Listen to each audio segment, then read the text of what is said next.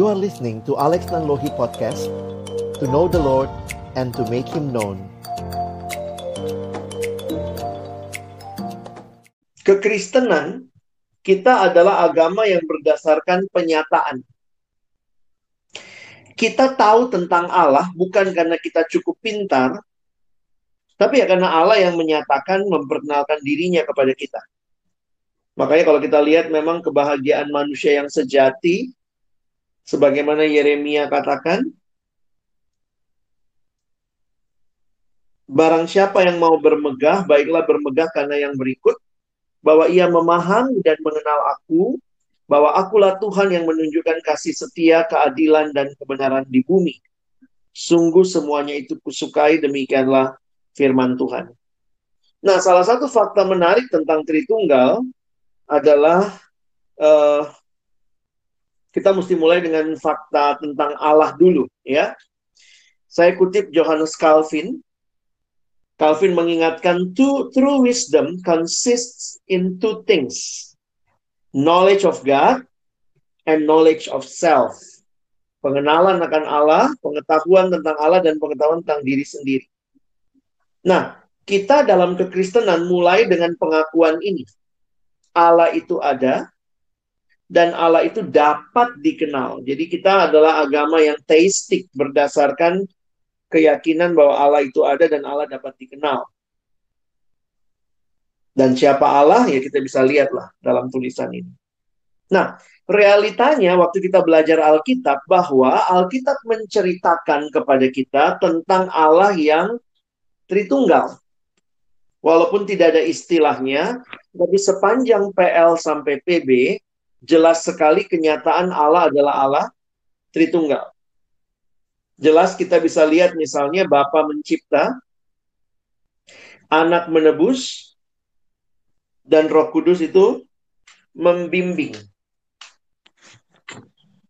Ada beberapa kesalahan di dalam sejarah yang terjadi melihat tentang Allah Tritunggal ini. Makanya kita pun mesti hati-hati. Kekristenan, orang Kristen tidak menyembah tiga Allah. No. Kita menyembah satu Allah yang menyatakan diri di dalam tiga pribadi. Nah ini jangan salah sebut ya. Bukan satu pribadi tiga Allah. No. Bukan satu pribadi Muslim menyembah Allah satu Allah satu pribadi. Kristen kita menyembah satu Allah tiga pribadi. Kita bukan politeis, kita tidak menyembah tiga Allah. Makanya memang di dalam secara teologis adalah yang mempertanyakan Jangan ngomong dong Allah Bapa, Allah Anak, Allah Roh Kudus. Karena terkesan kayaknya ada tiga Allah. Tapi bilangnya misalnya Allah Bapa, Anak, dan Roh Kudus. Nah, itu masalah penyebutan bagi saya sih no problem lah ya. Tetapi memang secara doktrin ini yang paling sulit atau paling sering diserang oleh saudara-saudara kita yang tidak setuju dengan pemahaman ini. Nah, teman-teman, apa yang saya mau bagikan buat kita? Sebenarnya pengakuan iman Kristen adalah pengakuan iman rasuli itu berpusat kepada pengakuan Allah Tritunggal. Makanya kalau kalian lihat makalah yang saya kasih, makalah itu fokusnya di bagian akhir kita bisa melihat dan membahas Tritunggal dari perspektif sejarah. Karena doktrin Tritunggal ini pun berkembang di dalam pemahaman sejarah. Nah, beberapa kesalahan yang muncul karena doktrin Tritunggal ini itu yang di dalam gereja disebut bidat. Bidat itu ajaran yang menyimpang dari ajaran yang benar. Nah, bagaimana memutuskan itu bidat atau tidak? Nah, itulah sebenarnya fungsi dari konsili-konsili yang kalian lihat di akhir makalah, pada waktu itu konsili itu adalah rapat gereja. Jadi pada rapat gereja itulah kemudian diputuskan, ini loh pengakuan yang benar, berarti yang di luar itu salah. Itu yang disebut bidat. Apa bedanya bidat sama bodat? bidat sama kayak bodat katanya ya. Bidat itu mirip kayak manusia tapi bukan manusia. Bidat juga mirip kayak ajaran yang asli tapi bukan. Kalau kamu jeli, kamu bisa lihat, ah bidat ini. Oh ini, ah ini jelas ini bodat ini ya. Nah, di dalam sepanjang sejarah gereja berkaitan dengan alat Tritunggal, ada minimal tiga kesalahan besar. Tiga kesalahan tentang alat Tritunggal. Kalau kalian lihat, kesalahan ini terjadinya di mana? Kesalahan ini terjadinya di dalam usaha. Di satu sisi, coba bayangkan dua spektrum ya. Yang paling kiri sedang berusaha mempertahankan keesaan Allah. Yang paling kanan sedang menekankan keberbedaan. Terlalu menekankan kesatuan, jadi lupa. Pikirnya ini tidak ada bedanya. Terlalu menekankan perbedaan di sebelah paling kanan, bisa jatuh juga dalam kesalahan sampai-sampai bikin tiga Allah untuk sangat-sangat membedakan. Jadi, yang paling kiri, Unitarianism, kesalahan ini muncul juga di abad-abad awal, yang mencoba melihat ini satu, Bapa, Anak, Roh Kudus. Father itu F, S-nya Son, HS-nya itu Holy Spirit. Cuma kesalahan melihat satunya, akhirnya mereka membuat ranking. Seolah-olah Bapak kedudukan posisinya lebih superior dari anak. Dan anak lebih superior dari roh kudus. Dan Bapak pencipta. Anak itu ciptaannya Bapak. Padahal pengakuan Trinitas kita, Tritunggal kita, anak juga adalah pencipta. Kolose pasal 1. Jadi, kalau Yesus dibilang ciptaan, ya udah bidat itu. Makanya kita menolak kita menolak saksi Yehova karena pengajaran Yehova kayak gini nih. Yesus itu cuma ciptaannya Bapa. Lalu Roh Kudus cuma dianggap tenaga, power, tidak dianggap sebagai person. Jadi itu menarik. Unitarianism adalah bidat yang muncul di abad pertama yang mencoba melihat Bapa, Anak, Roh Kudus dalam urutan di mana yang satu lebih tinggi dari yang lain dan menegaskan bahwa anak pun adalah ciptaannya Bapa. Bidat kedua yang disebut Sabelianisme Sabellianisme ini sebenarnya dari tokohnya yang bernama Sabellius. Dia mencoba sangat menekankan kesatuan. Kesatuan Bapa, Anak, dan Roh Kudus. Tapi karena saking menegaskan kesatuan, dia jadi tidak melihat setiap pribadi Allah itu berbeda. Jadi dia punya pemahaman ya seperti yang kita suka biasa pakai gitu ya. Kalau misalnya Pagi-pagi ada seorang bapak, di rumah dia seorang ayah. Siang sedikit dia di kantor seorang bos. Malam dia di rumah di lingkungan warganya dia ketua RT. Jadi satu orang pakai tiga jubah. Nah ternyata itu di dalam abad pertama sudah dibilang sebagai bidat. Itu salah. Karena waktu dia jadi bapak, dia lagi nggak jadi ketua RT. Waktu dia jadi ketua RT, dia nggak lagi jadi bos di kantor. Itu tidak bisa mencerminkan Bapak, Anak, dan Roh Kudus. Waktu Yesus datang ke dalam dunia, kalau betul pemahaman ini, maka waktu Yesus datang ke dalam dunia, surganya kosong dong. Padahal tidak demikian. Bapa, Anak, dan Roh Kudus hadir bersamaan dan selalu ada dalam tiga pribadi yang berbeda. Jadi dia bukan pribadi yang ganti-ganti baju. Dan triteisme.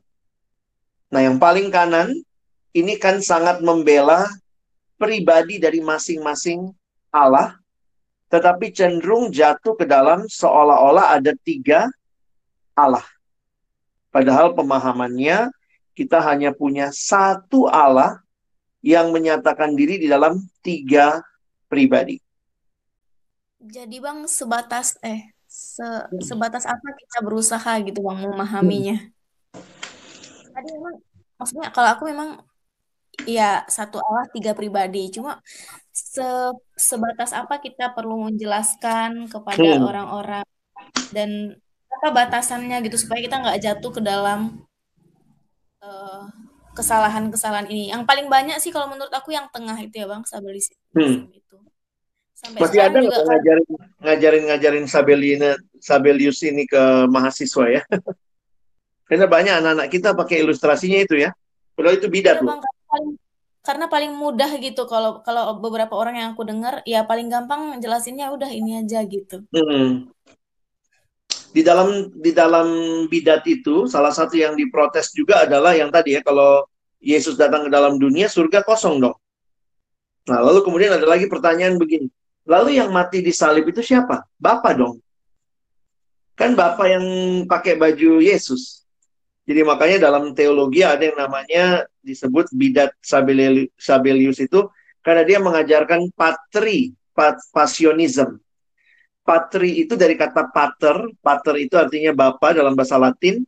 Passion itu kan berarti penderitaan, berarti yang menderita di salib itu bapa dong. Nah, itu patri passionism itu tidak tidak alkitabiah karena yang mati itu Yesus. Yesus tuh beda sama Bapa. Yesus tuh beda sama Roh Kudus gitu. Nah, jadi kalau ditanya, bagai sebatas mana kita menjelaskan? Tidak ada ilustrasi yang bisa menjelaskan tuntas. Karena itu, hati-hati pakai ilustrasi. Kesempatan dan cara kita menjelaskan, kita nggak punya pemahaman tentang roh Allah. Semua penjelasan kita ada dalam dunia materi yang sementara. Nah, misalnya, kita pakai ilustrasi. Jadi bayangkan, kita lagi mau menjelaskan Allah yang adalah roh ini, memakai penjelasan-penjelasan dunia materi yang sementara dan kelihatan ini.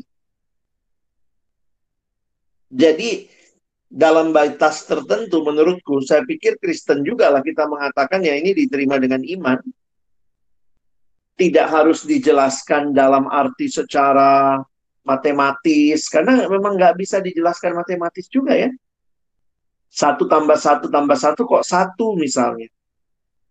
Itu pun penjelasannya sangat tidak sulit diterima ya. Tapi ada ada ilustrasi yang bilang begini. Banyak hal kok dalam banyak hal kok dalam hidup itu nggak bisa dijelaskan dan aman-aman aja gitu. Contoh, ada satu ibu, ada satu ibu punya tiga orang anak. Ibu ini mengasihi anak pertamanya 100%. Ibu ini mengasihi anak keduanya 100%. Ibu ini mengasihi anak ketiganya 100%. Berapa persen kasih ibu itu? Gimana jawabnya?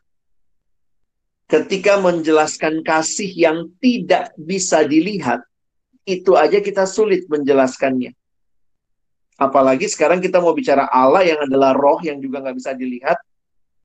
Wajar aja kalau memang kita bilang tidak ada yang bisa You are beautiful beyond description. Engkau terlalu indah melampaui pendeskripsian yang sanggup kami buat. Kira-kira begitu. Nah, saya mau ambil pendekatan yang dalam makalah. Kalau kalian bisa memahami apa yang ditulis oleh Wayne Grudem. Jadi, saya mengambil apa yang ada dalam makalah yang dituliskan. Itu makalah dari terjemahan buku uh, Systematic Theology yang ditulis oleh Wayne Grudem. Ya, nah Wayne Grudem mencoba membawa kita melihat tiga hal ini. Jadi waktu bicara Tritunggal, ini balik kepada Alkitab ya. Alkitab dengan jelas menyatakan kepada kita Allah itu tiga pribadi. Dan setiap pribadi itu adalah Allah. Each person is fully God dan hanya ada satu Allah. There is only one God. Nah, cuma balik lagi ya, itu nggak gampang menjelaskan karena kita selalu punyanya konsep ruang dan waktu, di mana Allah itu tidak dibatasi ruang dan waktu, dan semuanya kita ukur dengan kuantitas. Sementara Allah adalah roh, bukan benda. Dia adalah pribadi. Makanya di dalam gereja purba, makanya sekali lagi saya mau katakan, doktrin Tritunggal ini seperti gereja menemukan, bukan menciptakan, karena memang sudah ada di sana. Karena itu, di dalam kira-kira abad kelima, kalau kita lihat memang bapak-bapak gereja itu tidak berusaha menjelaskan gimana-gimana banget ya. Tapi mereka coba memahami dan dalam diskusinya misalnya begini ya, ini di bapak. Kelihatan ya. Ini bapak, ini anak, ini roh. Maka yang mereka temukan atau mereka pahami adalah ini tiga pribadi yang berbeda. Bapak bukan anak. Anak bukan roh. Bapa bukan roh. Roh juga bukan Bapa. Itu tiga pribadi yang berbeda. Nah, tetapi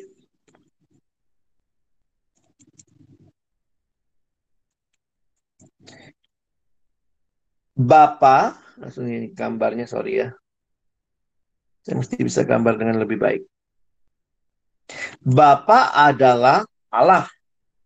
Anak adalah Allah. Roh adalah Allah. Berapa Allah? Satu. Bukan tiga.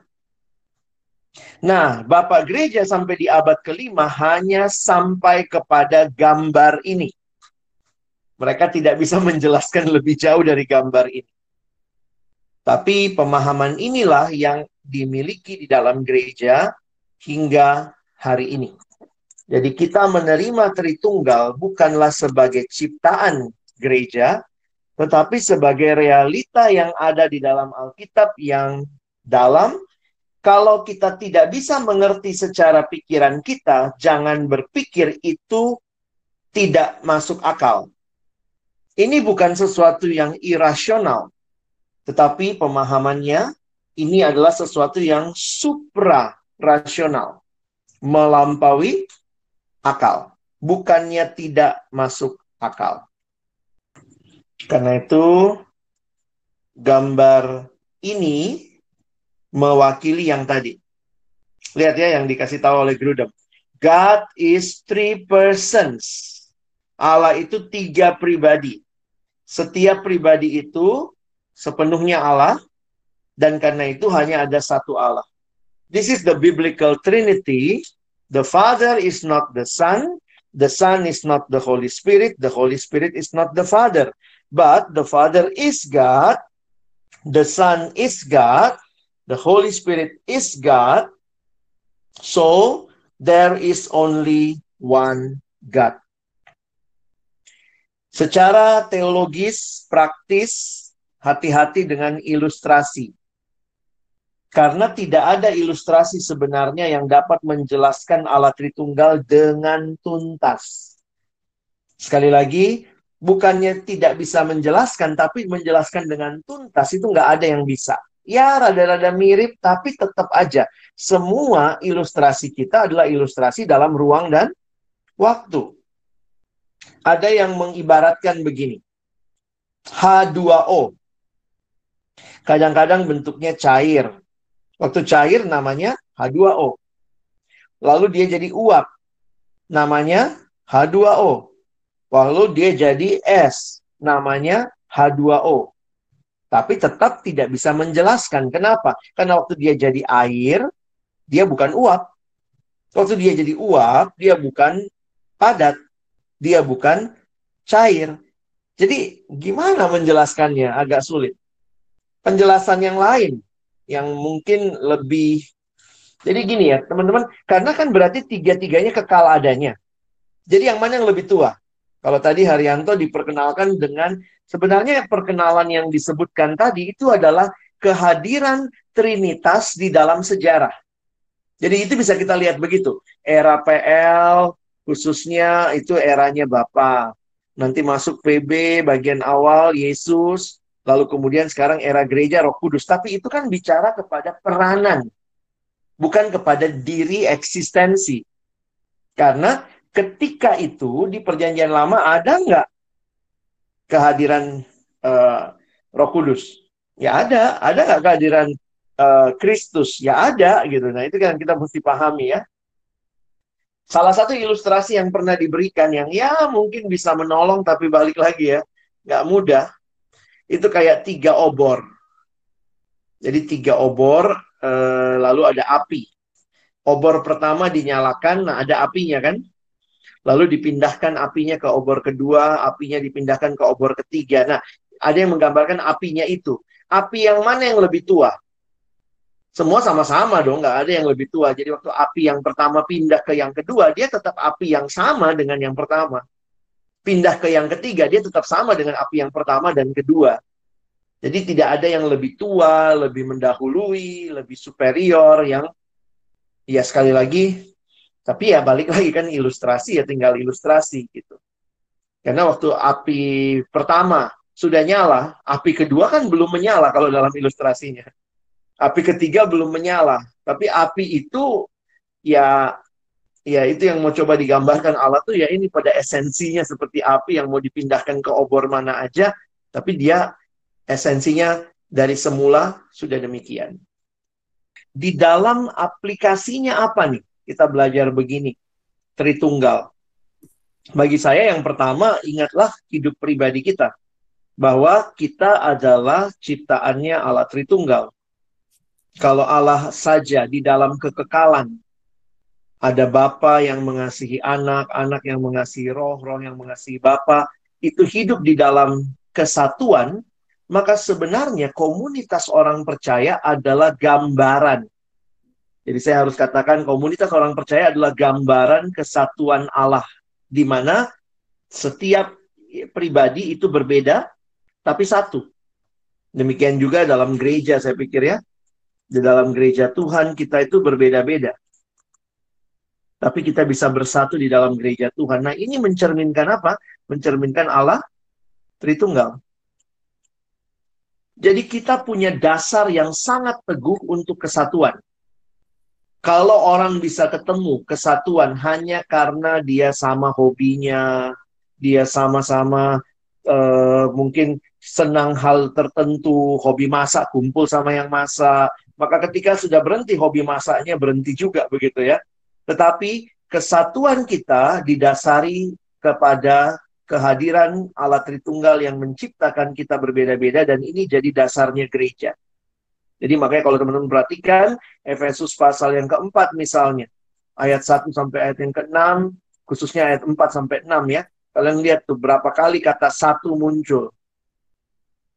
Satu Tuhan, satu tubuh. Nah sebenarnya itu satunya semua itu menggambarkan Bapa, Anak, Roh.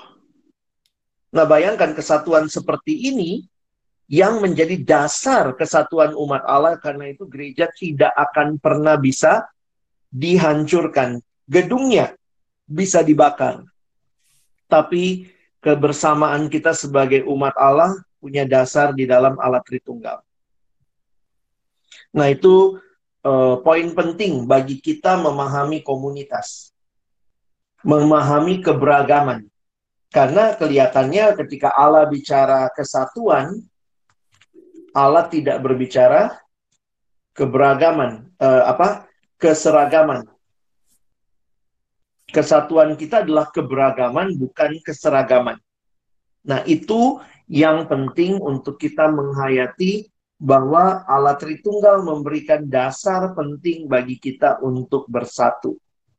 Dan bersatu di dalam keberagaman tanpa harus menjadi seragam. Oke? Yang kedua adalah di dalam kehidupan pernikahan.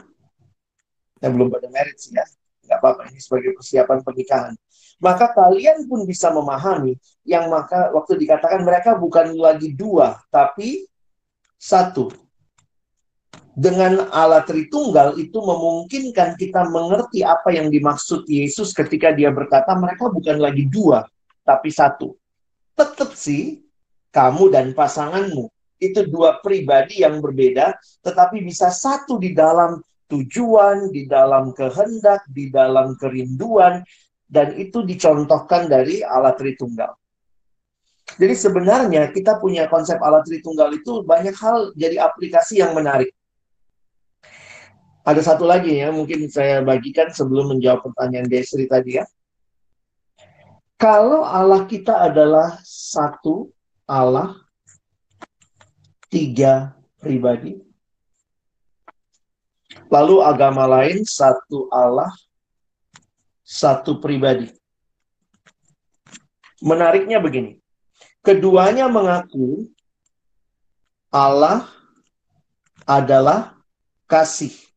Kalau cuma satu Allah yang adalah satu pribadi, waktu dikatakan dia adalah Allah yang kasih, sementara, perhatikan, Allah yang kasih selalu waktu bicara kasih selalu harus ada subjek yang mengasihi dan objek yang dikasihi.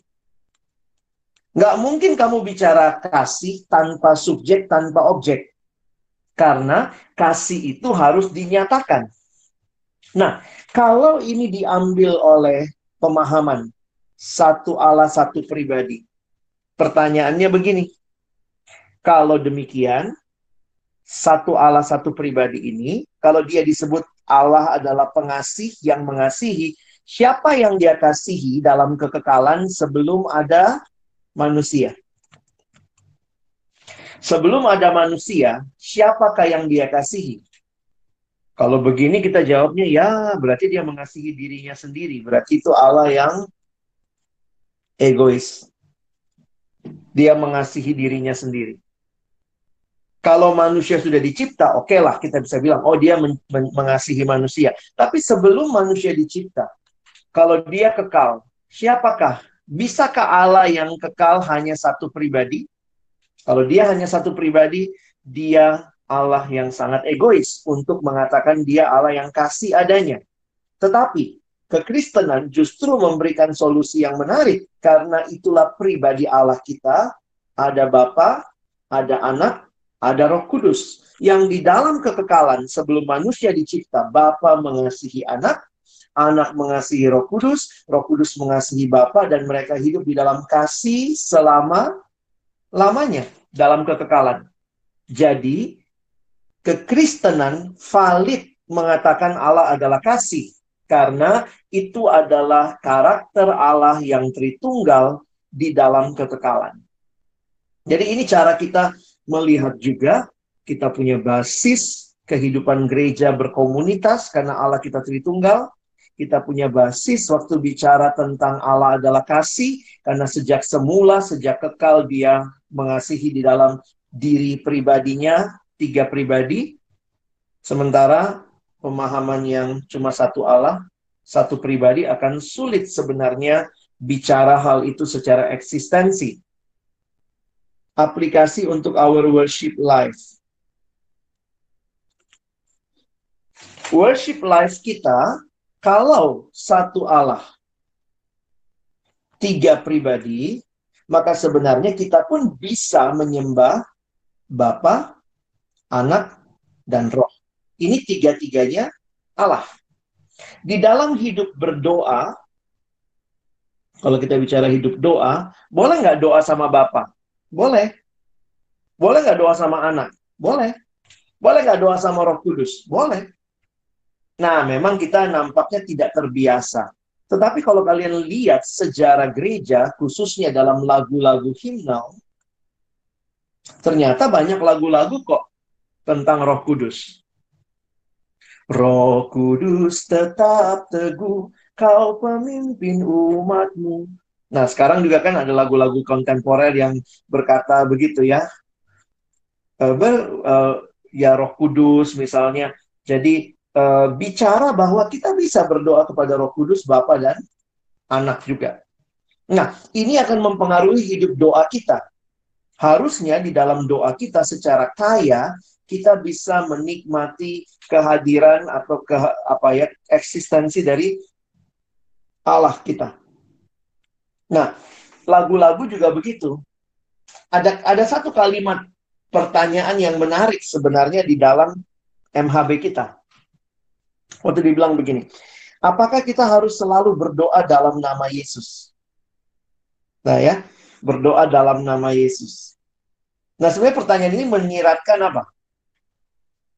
Kalau kamu doa kepada Bapa, kamu datang di dalam nama Yesus. Tapi pertanyaannya begini nih. Uh, kalau kita datang kepada Yesus, boleh nggak doa ya Yesus? Perlu nggak ngomong dalam nama Yesus? Ini kan bukan formula formula klaim apa gitu ya. Dalam nama Yesus, dalam nama Yesus. Ini yang akhirnya saya melihat kalau kita makin bertumbuh dalam pengenalan akan Allah Tritunggal, kita makin bertumbuh di dalam doa kita. Dalam pemahaman kita. Pemahamannya apa? Kamu tahu kamu lagi berdoa kepada siapa. Makanya salah satu hal yang menarik, murid-muridnya minta sama Tuhan Yesus, Tuhan ajarlah kami berdoa. Padahal sekarang tuh paling jarang orang minta diajar berdoa ya, karena dianggap doa adalah hal yang sudah biasa. Nah, saya sebenarnya bersyukur dengan gereja-gereja tradisional yang masih terbiasa menuliskan doanya. Karena itu satu cara menolong belajar berdoa supaya you really mean what you say.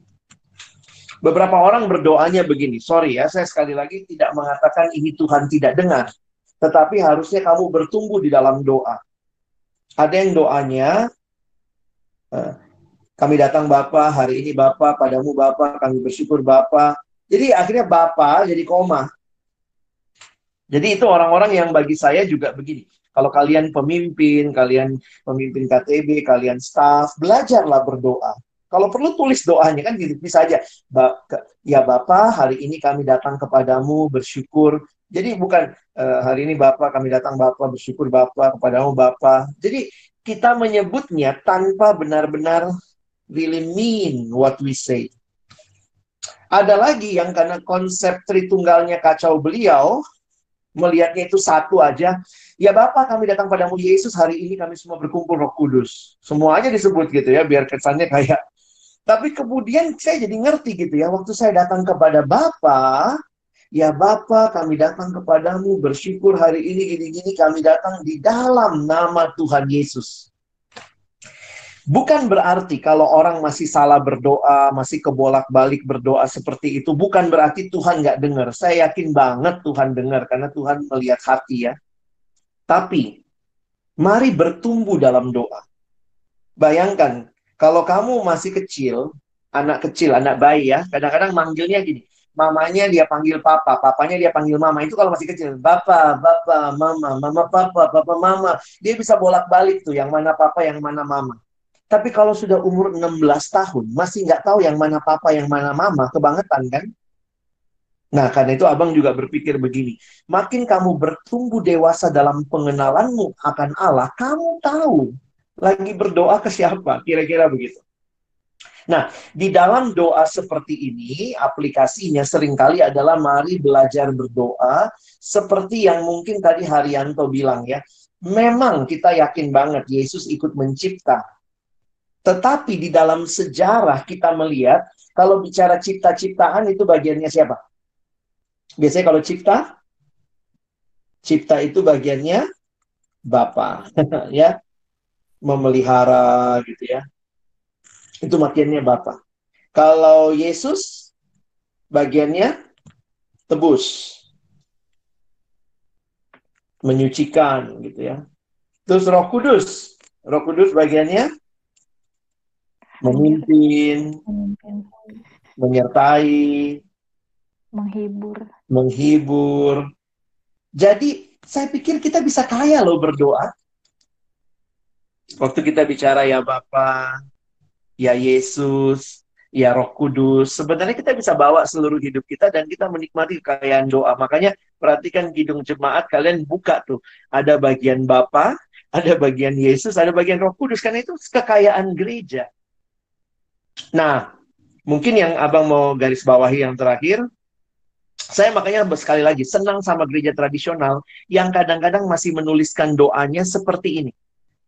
Ada satu kakak staff kita juga kalau berdoa tuh begitu banget ya. Ya Bapa pencipta seluruh alam semesta, Bapa pemilik, penguasa, dan juga yang memberkati persekutuan mahasiswa. Ya Yesus yang telah menebus mahasiswa-mahasiswa untuk menjadi milikmu, menyucikan mereka, membawa mereka dalam persekutuan yang indah denganmu. Ya Roh Kudus yang terus memimpin sampai hari ini sehingga kami boleh hadir dalam penerimaan mahasiswa baru di kampus kami pada hari ini. Ya Allah Tritunggal yang kudus, kepadamu kami datang. Wah, saya senang tuh dengar doa seperti itu ya. Jadi pengenalan akan Bapa, pengenalan akan Yesus, pengenalan akan Roh Kudus secara bertahap makin dewasa melimpah dari hidup kita. Nah, kira-kira itu yang menjawab pertanyaan Desri bahwa sebenarnya doktrin Roh Kudus akan mempengaruhi hidup ibadah kita, hidup berdoa kita, hidup pernikahan, dan juga termasuk hidup berkomunitas. Semua itu adalah refleksi dari halah yang hadir memimpin kita. Oke, Des, ada bisa dipahami? Oke, Bang, bisa, Bang. Yang lain mungkin satu pertanyaan sebelum kita tutup karena ini udah mau jam segini. Aku ada pertanyaan sih, Bang. Silakan deh. Uh, ya mungkin kembali ke apa penjelasan tentang Trinitas tadi kan. Mm. Nah kan kita sudah sampai pada kesimpulan bahwasanya ya kita tidak bisa me menjelaskan secara sempurna gitu ya tentang mm. Trinitas gitu kan. Mm. Tapi kan ada tuh orang beranggapan bahwasanya ya untuk menggagalkan konsep Trinitas yang mungkin uh, Kristen punya gitu kan. Kalau memang hmm. tidak bisa menjelaskan tentang uh, Trinit, menjelaskan tentang Allah dengan Trinitas, kenapa uh, membatasi Allah itu hanya dalam tiga pribadi? Apakah nggak mungkin lebih dari hmm. tiga kayak gitu? Hmm. Oke. Okay. Uh, untuk apa? Maksudnya untuk menjawab itu gimana kira-kira? Hmm. Nah, ini ada hal yang menarik di dalam penjelasan teologis. Ada yang mengatakan begini, Alkitab itu cukup. Dan Alkitab itu komprehensif. Tapi memang Alkitab tidak menjelaskan tuntas. Alkitab tidak menjelaskan uh, seluruhnya, tapi itu cukup. Nah, itu sebenarnya doktrin itu menutup kemungkinan yang kau tanya tadi, deh. Jadi poinnya begini kalau Allah itu memang lebih besar dari semuanya, maka apakah semua tentang dia dia tulis di Alkitab? Berarti ada kemungkinan dong Allah tahunya berlima, berenam, bertujuh begitu.